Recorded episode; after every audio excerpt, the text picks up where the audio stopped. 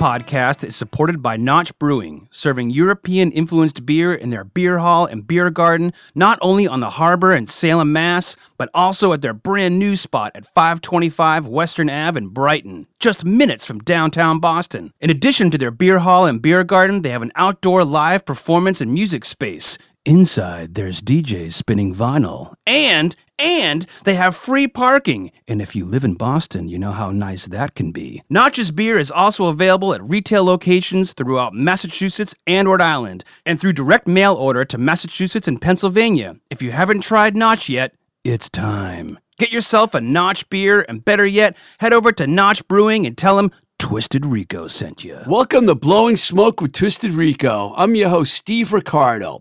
A little while back, we did a Zoom interview with Spencer James from the North Carolina based band Special Messages, and we talked about their song Donora from their new album Scribbles and Splashes, which is now available on most streaming services. In fact, we also actually played the song Donora on a previous show that we did with Nicole A when we did the new music review. Since that time, our interview has been up on YouTube, and the buzz on the track has grown so much in the Pittsburgh area that the local entertainment paper there, a real good one at that, that I used to read a lot when I lived there, the city paper, did a feature on the band and the song. And this is what the city paper's Tia Bailey wrote in her piece, which hit the streets on November 3rd. The video and song release coincides with the 73rd anniversary of the deadly Donora smoke incident, when a temperature inversion trapped toxic smoke from the American Steel and Wire Company, Zinc Works, and coal furnaces in the valley. The smog, which lasted from October 27th to October 31st, 1948, killed 20 people over the course of those days both from Donora and the neighboring town of Webster, just across the Monongahela River. It darkened the town for the entire five days and left thousands suffering from respiratory illnesses. Hospitals were overflowing and the people were left unable to breathe. The smog eventually dissolved after the mills were ordered to shut down, despite their refusal from the people who ran it. Additionally, on the last day, a storm helped sweep much of the pollution away. So when Spencer sent first sent me the track, I knew it was a special message, no pun intended. The band's called Special Messages.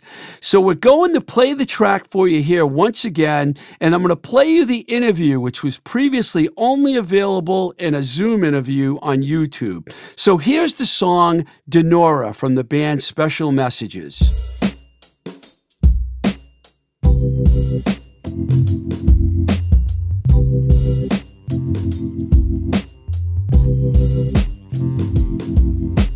They blew up the bridge to my town. Can't get in, can't get out. They blew up the bridge to my town. Called it condemned, called it run down.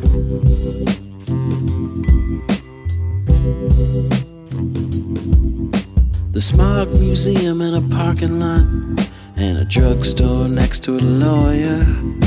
That's the main intersection, but the next big election could bring the mill back. The mill back to Donora. That's what they say. This is where I'm from. This is my hometown. It's the home of the champions. But no one's around.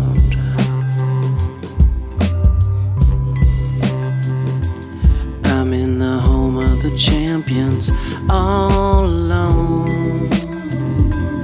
I'm from the home of the champions. But there's no one home.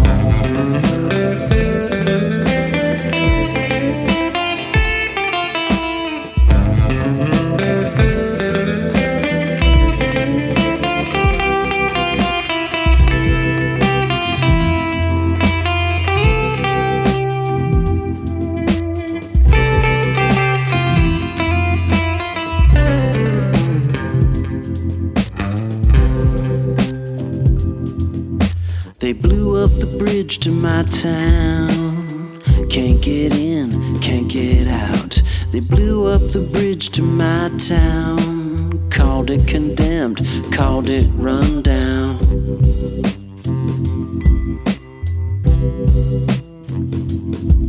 And the stores are open just for show. But there's nobody in there, no one I know. Is she waiting for you to leave?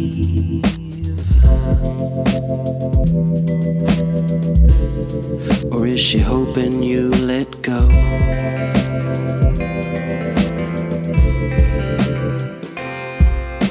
This is where I'm from.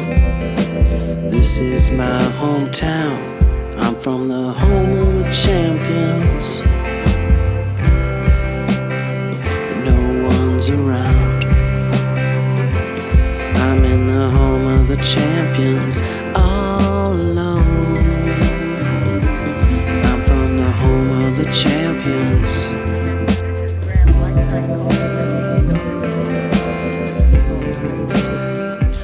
But there's no one home.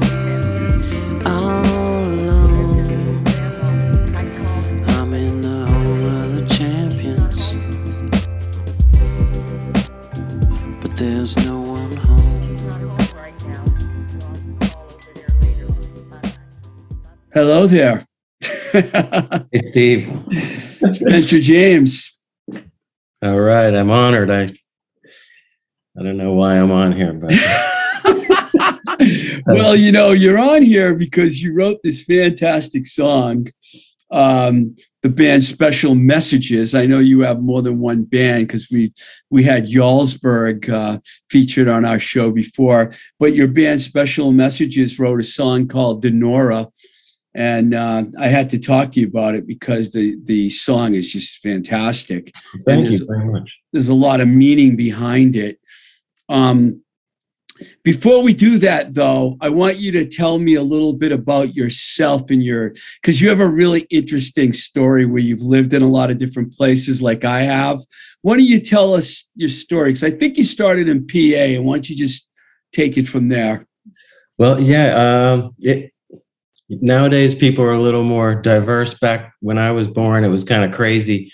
Um, but uh, I was actually born in Yugoslavia, in Zagreb, which is the capital of Croatia, which is its own country now.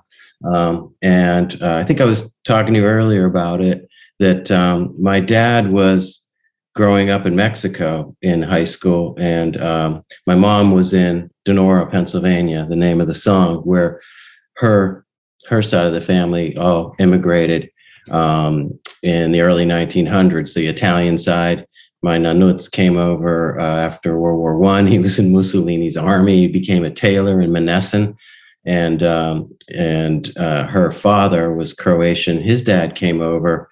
Uh, my grandfather was actually born here. His dad came over for like 10 years without the without his daughter and his wife who were back in Croatia That And happened a lot. Right? And then like you know some sometimes somebody would like send a representative to go find them you know?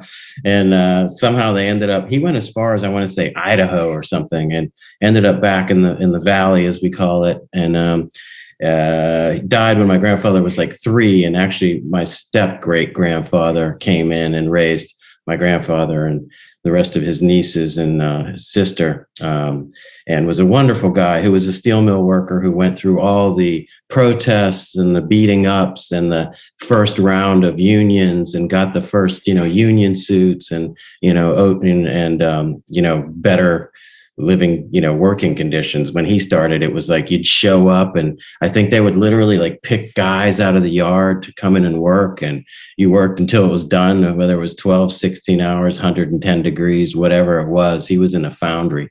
Um, Wow.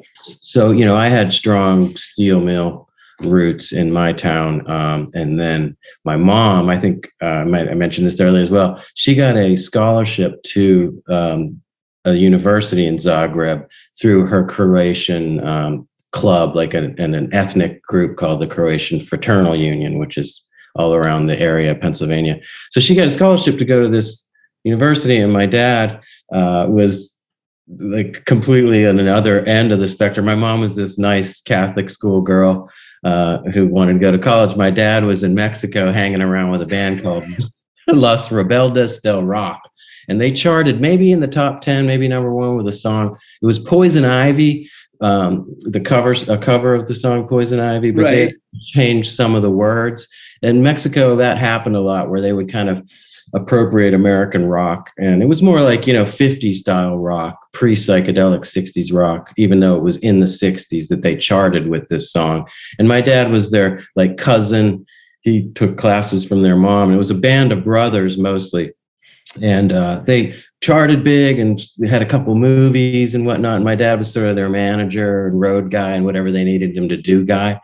But in any case, long story short, my his dad never liked that and didn't want him doing the rock thing. And the band, they had a my grandfather had some sort of mountain summer cabin or something in Cuernavaca. And my dad went there with the band after a show and a bunch of, you know, groupies and hang and people hanging out and partying. And he left and apparently they burned the house down. so that was the last straw for my grandfather. And he was like, You either go to college and do something different with your life, or you're out of the family. And my dad, a family man, said, Okay, but I don't care where I go, or something. No, my grandfather has his own story. He was this like revolutionary um, who was a farmer's rights and an indigenous people's rights guy who um, was also a chemical engineer.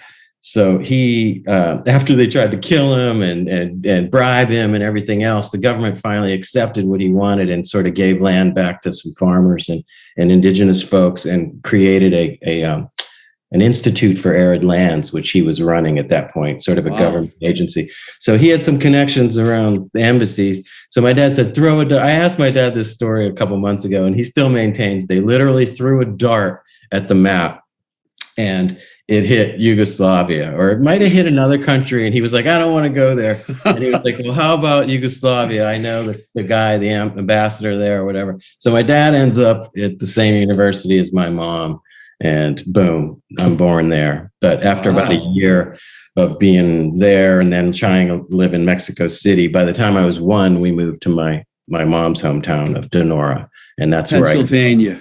until I was 12 and in 79. So the steel mill in Donora shut completely by like 66 or 67. So it went from this thriving, like awesome little town to people just trying to get jobs and having to commute to other towns. If you were high on the seniority list, you could work in other mills. Uh, if you were low, you were out of luck. So my stepdad um, was a Vietnam vet, and he discovered he was at Fort Devens in Nam, and actually saw a lot of concerts at the Tea Party in Boston. Saw Hendrix at the Ooh. Garden and stuff. while he- Legendary room. a lot of good stuff like tea party late night i guess they would play after the show was over he saw like clapton jamming with you know whatever band played that night and whatnot so he would he was injured uh, for a month or so in a jeep accident. And so he had a special kind of a secret asa type of a job uh, and um, wasn't affiliated.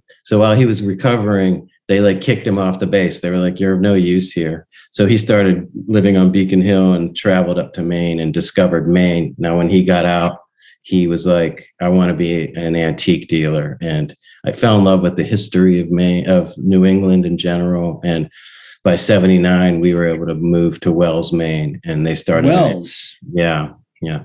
Um, Now, son- when you when you started um, in music, that started for you in the Boston area. Yeah, so I, I I was a punk rocker in high school. I, freshman year of high school, I met this kid who came from another school, and he was like, "You ever heard of the Clash? You ever heard of the Sex Pistols?" I was like, "Heard of them." At that point, I was like buying like the hardest rock you could buy at like Kmart, like Kiss Alive Two, and you know, and yeah, I- we all was- had that. right? And I was like, this is just not it, you know. And I was listening to '60s eight tracks and stuff. I I needed something harder, and uh, he was like, "Well, this is it," you know. So I bought, you know, the Clash's first record, Sex Pistols. Then, like, you know, the Dead Kennedys' "Fresh Fruit for Rotting Vegetables" was probably one of my first, and and um, you know, just got full on into it, and that progressed into the hardcore stuff. You know, um, my parents weren't really into me going to show. I really couldn't do much. I was kind of like always doing chores and not allowed to go anywhere, kind of thing. And um, so I would sneak to get to a show. I think I, you know, I'm going to my friends to do homework, and we'd drive to like the, you know, AmVets Hall in Manchester, and we saw like DRI there once. That was a great show. Or uh, my first Manchester, New Hampshire. I think it was Manchester. Nashua had one. Yeah. Okay. Yeah. And uh, I, I'm still trying to figure out where that DRI show was. but uh, yeah, he talked to us all, and it was kind of great meeting that guy. Um, but I remember sneaking down to Boston in '83, and we saw The Fall at the Rat, one of the better shows, and Bird Songs of the Mesozoic opened, Yeah. an offshoot of Mission to Burma, yes. and Christmas, which was a great Oh, yeah. band. Man, I, I remember loving those guys. Um, and it was a great show. And then we scuttled back to Maine and pretended like we had gone to the main mall or something, you know. Um, so so yeah, I fell in love with that, and then came to Boston in '84 to go to Mass College of Art, and uh, finally was free to do whatever I wanted. I had like a noise band was my first band um, called Insanicide, and uh, I was kicked out right before our big gig was Kilslug, which was like my favorite band. But uh, and we didn't have a song or rehearse or anything. It was pure just a spontaneous noise. But I missed a couple of practices because I was wrapped up in my welding project at school, and my my good buddy Jim, who was a UNH DJ um, in in college, uh, kind of kicked me out of the band before Kill. So Right. I regret Yeah, to that day that I forgot to go to practice. I think I first uh, got to know you when you were in Tip for Teens. Yeah, or Because- Lucky Gold, even maybe. Oh yeah, right. I forgot about that band. Yeah. I moved to Boston. Well, I grew up in New England, but I was in California and I moved back there around 96, 97. Oh, okay. And then um, I do know that when I first heard Tip for Teens, I totally flipped out on Mr. Riley, the Right. song Mr. Riley. And um, that's when we kind of got to know each other. Yeah. I don't think we'd even met before that. Yeah, you were doing the Linwood and booking some. Oh, friends' yeah. bands. And uh, you know, I met you at like Al's parties or whatnot, and you know, I always remember that like you're. I just I loved your exuberance and your love of music, and uh, you know, you're like the John Madden of of, of music. Like you know, you, you you loved it. You know, and I'm and still couldn't get enough. exuberant, man. I'm still Great. exuberant. You are, yeah, totally. And uh, so, yeah, it was great. Those Linwood days were were really fun, and and playing with Lucky Gold. And as you know, Bill was, you know, much. I've never was on a label or signed or toured or really any of that stuff. But I was lucky to work with Bill, who was in Maelstrom on Taang! Records, um, and he was kind of looking for something Oh, he was in Maelstrom? Yeah, Bill was. Oh, I didn't know that. Songwriter and the bass player for Maelstrom. Yeah, great, Nice. great bass. But Bill's just a natural. You know, he can do anything uh, with little practice. You know, just step in and play. But um, so yeah, I was. I went to Mass Art with him for a couple years, and also was a bike messenger with him. And um, so we kind of knew each other. So when I was looking for uh, to start Lucky Gold, um, I kind of reached out to Bill, and he just happened to become available. And uh, there was a little bar on the corner by that Cambridge um, movie theater that's in East Cambridge. You know that big complex they built behind like um, where all the brewery and pool table place and that breakfast place that was in Portsmouth, New Hampshire. That you know that East Cambridge. Oh, uh, Friendly. Toast? Yeah, you know, on that street that you take uh, to get to the movie theater, on the left, on the corner for a little while in the 90s, there was a little bar there uh, that was booking bands. I can't remember the name of it, but it was, it You're was, not uh, thinking of Kendall Square, are you? um, it's the Kendall Square Theater area, right? Isn't it? Yeah. Yeah. yeah. Yeah. there was a bar, the Kendall. Maybe it was called the Kendall. Yeah. Yeah, it was a really small room. Next to the Italian, um, there's like an Italian hall there or something, right? Boy, I, I am sorry, but my knowledge of East Cambridge is not very good, even though I, I lived in Somerville for nine years. You know, I didn't, for some reason, I didn't go over there that much. Yeah. But um, it was kind of a netherworld, but being a courier, you kind of end up knowing all these places, you know. But but so anyway, yeah, to fast forward a little bit, because I want to really talk about uh, Donora. Uh, you you you moved to North Carolina, right? So yeah, um, I, I moved down here in 2011. It's already been 10 years. And Jarlsberg, your other band. I mean, you put a uh, I think it was like a double album out. Yeah. Yeah, I. I yeah, I mean, so and then one of the other members of Jarlsberg is playing with you in Special Messages, right? Yes. Yeah. Craig, he, he's the resident genius. He's he's a uh, an engineer and just a bright guy. When I moved down here, Jeff Alsberg, the singer of Jarlsberg, um, was an old friend from uh, my one of my college friends. It was his high school best friend, and we ended up meeting. And he lived with me for a summer. We were fast friends, stayed in touch forever. And then he was already here working, and uh, and so when I came down here, and he's always an organizer, always has a basement with gear and knows people. So he was like, okay, um, let's have our first jam. And he brought Craig over, um, who would be in Jarlsberg. And immediately it was a great fit. Now, the funny thing was, was Craig was playing keyboards and whatnot. And um, he briefly mentioned something about piano lessons or whatever. And Mhm. uh, 10 years, you know, when we put out the record somewhere along the line, I was like, so you've been playing like since you were a kid, huh, Craig? He's like, no, actually, I just bought my first keyboard like six months before I started playing with you guys. So I was like, really, dude? And he was like, yeah. And then he picked up the guitar a couple months ago and he's like already better than everybody I know, you know? So he's, he's just great. And he's has a, a real uh, love of electronics and it caught fire kind of with me too. Whereas I was always sort of a traditional arrangement guy, um, maybe some samples here and there, but I kind of embraced, um, you know, sequencing and, and, electronic, you know, drum loop arrangements and whatnot. So we kind of both took off towards the end of Jarlsberg and we're really like kind of feeding off each other. And um, I realized that, uh, you know, I was recording some of my own songs simultaneous with Jarlsberg stuff. And we decided to have all the Jarlsberg songs just be the Jeff sung songs. Mhm. I parsed off mine and then added like a few dozen, uh, half dozen more songs to those. And that became what this album is Scribbles and Splashes. And I realized like half the songs were created by Craig's instrumentals that I would add to. Um, he has this way of just sending me drums and, and keys and stuff and a song just clicking. So fast forward to the Donora song. Um, I went back to my hometown in uh, 2018 to Which is about 20 miles outside of Pittsburgh, right, Donora?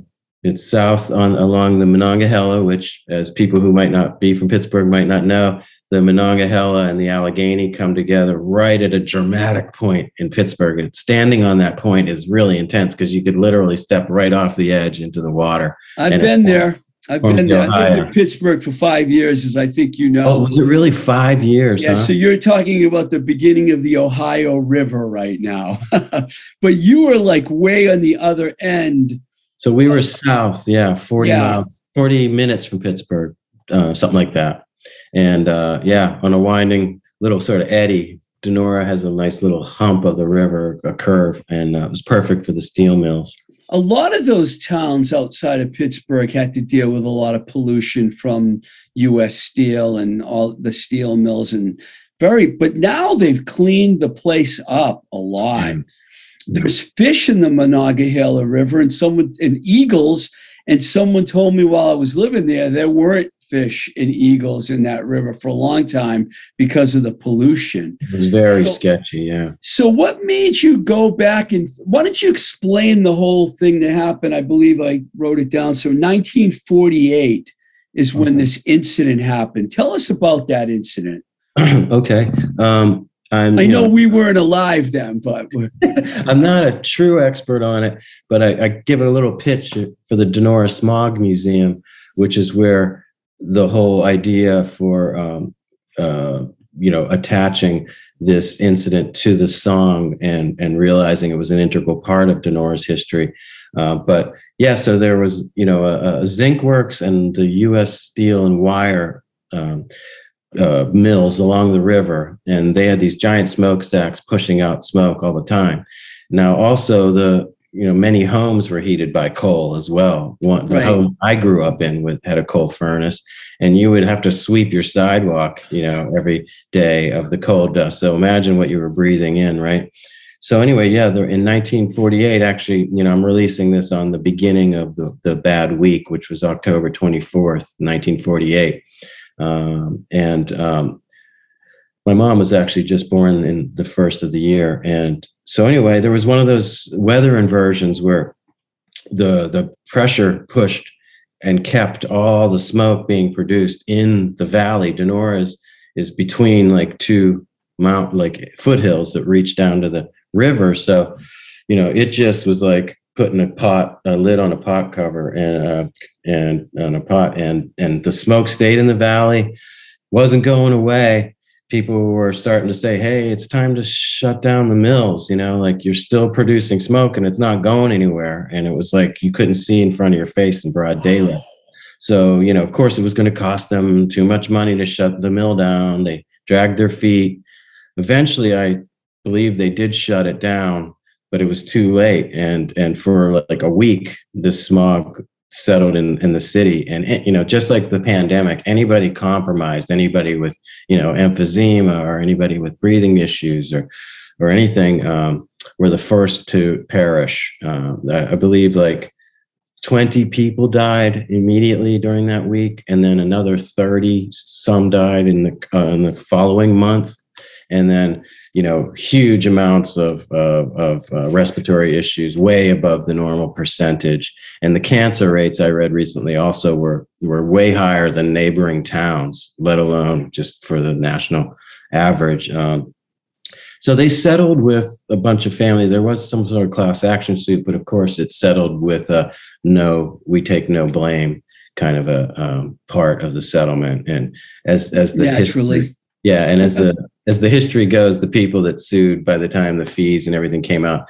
they they say they had enough money to buy a TV, really. Uh, so um, you know, it was a shame, and uh, and it was bad, but it did lead to uh, clean air um, acts and the Clean Air Act and other things came out of of Donora, and the EPA started to enact. So Donora Smog Museum which is part of the Donora Historical Society. Uh, their motto is "Clean air started here," because out of that, it really became um, a notable.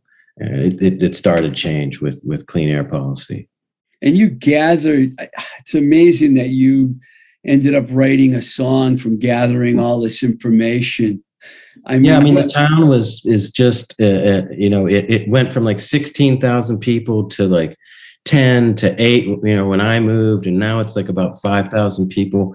Um, i must say you know it's it's important that i don't sound like i'm you know uh, disparaging the town or saying that it's not good anymore or any of that. That was very key to releasing the song because the song is you know sort of uh, in its face a a, a billy joel allentown kind of a story a sad you know our industry's gone and we don't have anything left and you know things are run down kind of a story because that's how everybody that i know who moved from donora kind of felt when they would go yeah. back over there. You'd be like this is sad. Like there used to be 10 bakeries now there's one. You know the main street half the places are closed. I mean i was on the main street at saturday and not a single car passed me for an hour as i stood outside the smog museum which is in the song, I say a smog museum and a parking lot and a drugstore next to a lawyer.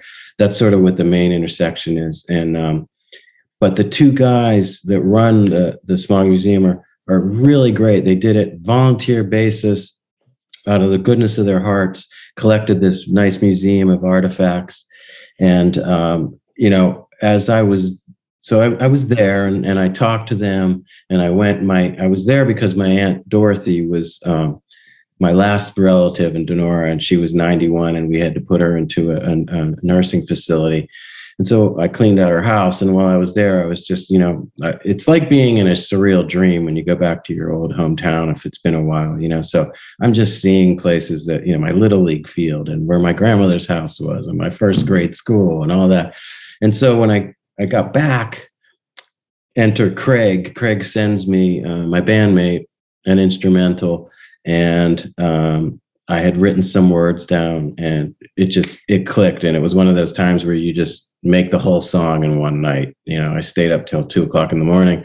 It was all crafted. The melody came out, and it's one of those ones where you almost go to sing it again because you're like, oh, that was a good rough, you know. And they were, you know, Craig was like, no, no, no, no, that that's just perfect the way it is, which reminds me of kind of like the member of the four track days when you would write all your songs on four track. I remember, at least with my band, you'd always be like, God, the four track sounds so much better.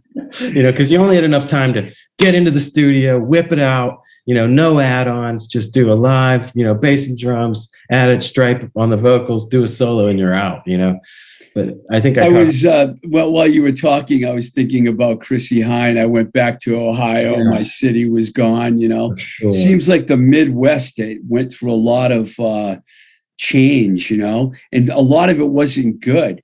I mean, I learned all about Andrew Carnegie, obviously, when I lived in Pittsburgh, because he, you know, I believe he started US Steel and he wasn't a very good guy. But then all of a sudden, at the end of his life, he became very generous. Yeah. He built a library, a museum, Carnegie Mellon University. And it's totally. like, after all the damage and everything that was caused from US Steel. And earlier we were talking about Braddock. Braddock yeah. uh, is another place right outside of Pittsburgh. It seems like uh, a lot of damage was done during the industrial era, you know, in those in those towns. It was like a mix. You know, it's the, they always talk about the yin within the yang.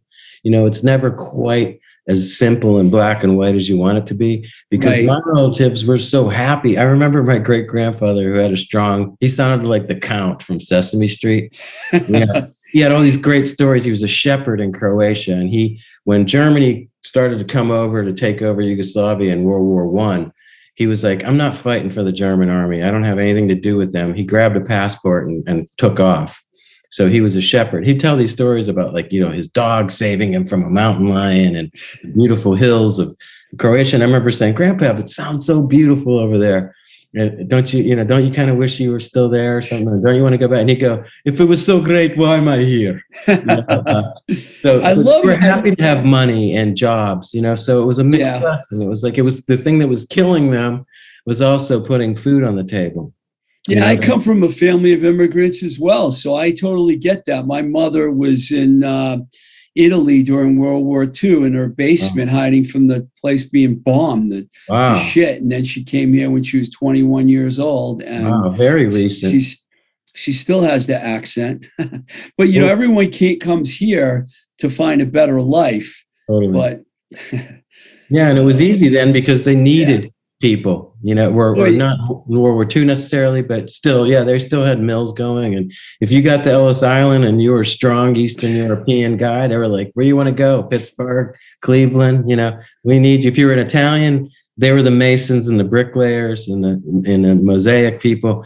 They would go, you know, do certain yeah, things and a lot of factories in where I grew up in the Worcester area, Worcester, Massachusetts area, it was all factories and all the Italians all worked in factories, and that's what they had to do. They had no choice, you know.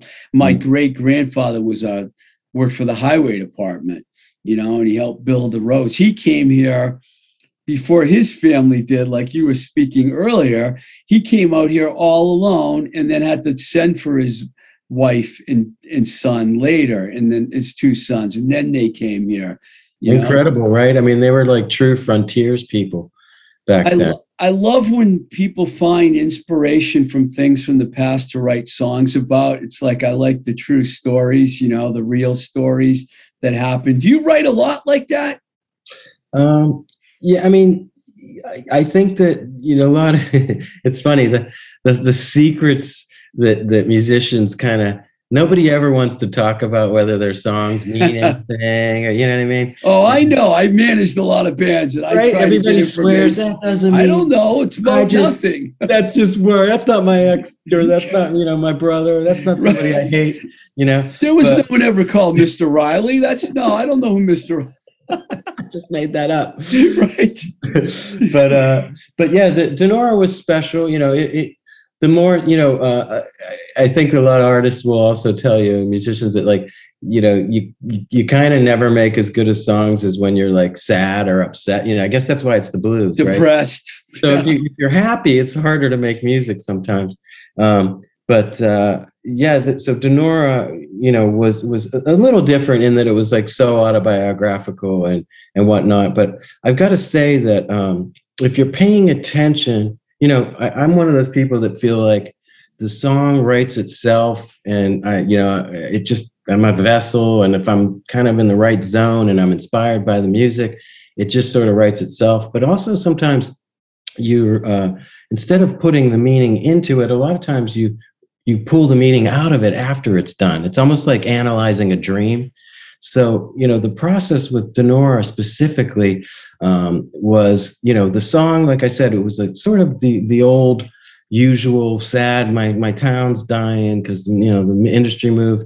But but I thought that was sort of the end of the story. But it turned out after talking to these smog museum guys who, like I said, put their heart and soul into it and really want Donora to rise from the ashes, and they have a John Fetterman kind of approach that let's make this better. So that that at, at first, you know, uh, they were they were a little bit like, geez, you know, it, it's sad because this paints a little bit of a picture of the Donora we're trying to leave behind, and you know, and I got that too, and I was slightly disappointed, or not. I was slightly worried people would would think I was just, you know, pooping on Donora a little bit, so to speak, without using the other word. I'm not. And when what I happened to learn, uh, you know, in the press release I mentioned, it's a transformative experience doing the video, is that I realized that, you know, everybody who kind of pines away for their old hometown or whatever, um, you know, maybe the next step is to move on. So after writing this song, I realized pining away for the past isn't really constructive. And and yeah you need to feel it and talk about it and and write the song and sing it. But ultimately in the song i think you can tell that i'm you know i am this is my hometown and i'm proud of it. And I, and, I, and my best memories happened here. And even if it's a ghost town and no one's left um, it it meant something. And and it's it, it can mean something again. So through the video i realized okay you know i cried my tears for the past but now how can i help? You know i, I want i made a donation to the smog museum and i want hopefully people might donate to that cause. You know how can i help my old town and look forward to the future? So it was transformative in the in the idea that i'm done with my allentown sad sob story and now i you know i want to let it go and move forward. Maybe there'll be another song about the and, future. and and this is coming out uh well by the time this airs it'll probably be out october 24th you said is the official release date yeah and it's was the first digital only It, the the the the the videos on YouTube and our whole album is is on all the normal distribution like sites. bandcamp can you go on bandcamp and buy it I don't have it on Bandcamp um, because that's like a sell your own platform, but I, I could put it there. oh so Uh, you doing spotify and all that So I have it on everything else. Yeah, Okay. Spotify, Amazon, Okay. YouTube, Okay. Apple Music, all that stuff. It's a little hard to find because Special Messages is kind of generic. So uh, Scribbles and Splashes is the name of the LP that comes up. Um, Well. I'm going to play the track on my new music show that's going to be out probably about a, in a week and a half. I'm, I'm recording it tomorrow, but I figured we'd do like a Zoom exclusive thing and get you on Please. here to talk about it. I'm a fan of your whole low. I call it lo-fi. I don't know if you call your style lo-fi. Is that what you Yeah. would say? Kind of, yeah, definitely. It's it's got a little, you know, I've always been like a little bit of everything. You know, there's like some chill, some, you know, my solos can be punky and and noisy. Um, you know, the vocals can be corny, you know, and, and It's intimate. true independent music, though, far as I I can hear. I just go where you know Yeah. the muses send me. Now, do you get do you guys play any gig? I mean, you're living like you're not. Are you near a city? Because don't you live in a more rural area of North I, I do. I do. Craig lives up in in uh, near Raleigh in a bedroom community right outside of Raleigh called Cary, and uh, that's the that's a normal city. You know, they call it the Triangle. It's Raleigh, Durham, and Chapel Hill. They're all within like 20 minutes of each other. College towns. Yeah, Chapel Hill is a really cool, progressive Yeah. town. Uh, I like, and the Cat's Cradle, you probably know. Oh so yeah, famous that's their place. Middle East. You know, Yeah, and uh, and um, yeah, so I, I, lived there when I first moved here. It was a great place for a New Englander to land, and uh, then we moved down here. But uh, so yeah, we actually are having our first gig. It's just me and Craig. It's a totally like un, you know, not unplugged, but it's a really pared down version. Obviously, the album has drums, bass. You know, that's the beauty of recording these days in a home studio. You can take your time and and put as much stuff in there as you want. So it's you know it's a dense record, but live it's just uh, more kind of a low key guitar and keyboard and maybe a drum. Do you, do you have a date lined up that you want to plug? I, I think we're playing in, in, in Southern Pines in a place called the Jefferson Inn, a cute little outdoor venue for our first. Southern Pines. Yeah, yeah. There's a lot of these tall, skinny, hundred foot pines here uh, that are really pretty, and sometimes like you can just have full groves of those, and uh, it's like Sherwood Forest or something. But is yeah. does the band have an Instagram or anything like that that you want to mention? Uh, I I'm uh, Facebook. Uh, my Instagram account is yeah. There's a Facebook page called Special Messages. That would be great okay. to follow. Uh, and uh, my Instagram is the is the Instagram for the band so far. that's Spencer James, S P N C R James. Uh, but yeah, yeah. Cool. Specialmessages.org is our website. nice. And I put a quick a quick couple links to like Spotify and, and Amazon or something to to listen to the record and the web and the video is actually embedded on the web page too. Well, I appreciate you sending me the track. I really like it. I can't wait to hear everything else. I liked Jarlsberg too. You know, I like your projects, man. You're doing some good stuff. So thanks, man. I'm, I'm having a great time. I'm late, late, late, late bloomer. well, hey, thanks a lot, man, for doing this. Steve, you're the greatest. It. I appreciate listening to my ramblings. Uh, it, it's interesting to me. I learned a lot. I went and read all about Donora. I, I wanted to, you to tell the story, but I went on Wikipedia and read the whole thing, man. You know, it's fascinating. Fun. Yeah, actually, the town across the river is Webster, and I think you live in Webster. yes, which is kind of weird. And we're both Italian too, which is nice. Paisan. Yeah, know, Thanks a man. lot, man. Appreciate okay. it. Thank you, Steve. Have a good one. All right. There you have it. Our interview with Spencer James from the band Special Messages. It's hard to believe that we're still here 70 something years later trying to shut down coal mines, fracking, oil drilling, and this messy pollution when we have plenty of solar and wind energy available to all of us. Yes, I know I'm getting a little political and I try not to do that, but what the fuck is wrong with these people that make these decisions? It's time to clean things up in this country. It's time for some clean energy. And we have people like Spencer James writing songs about incidents that happened 70 years ago to remind us of that.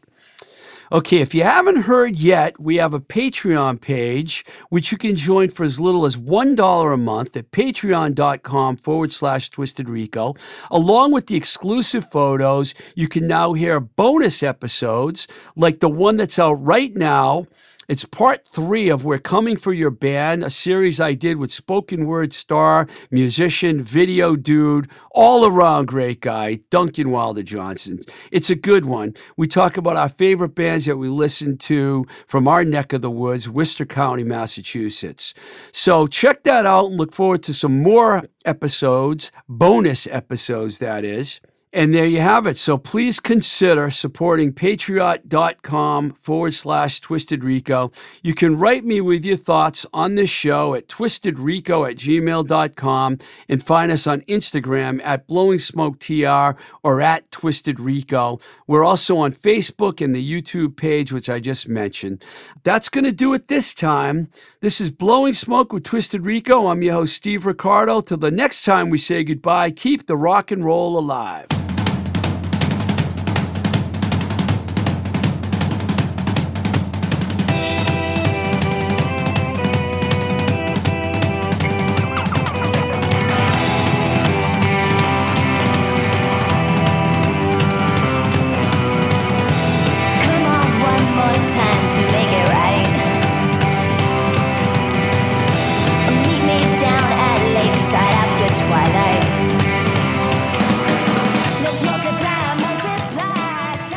Voice is recorded at Voice Motel, voicemotel.com, your complete podcast recording experience. located in Union Square, Somerville, Massachusetts.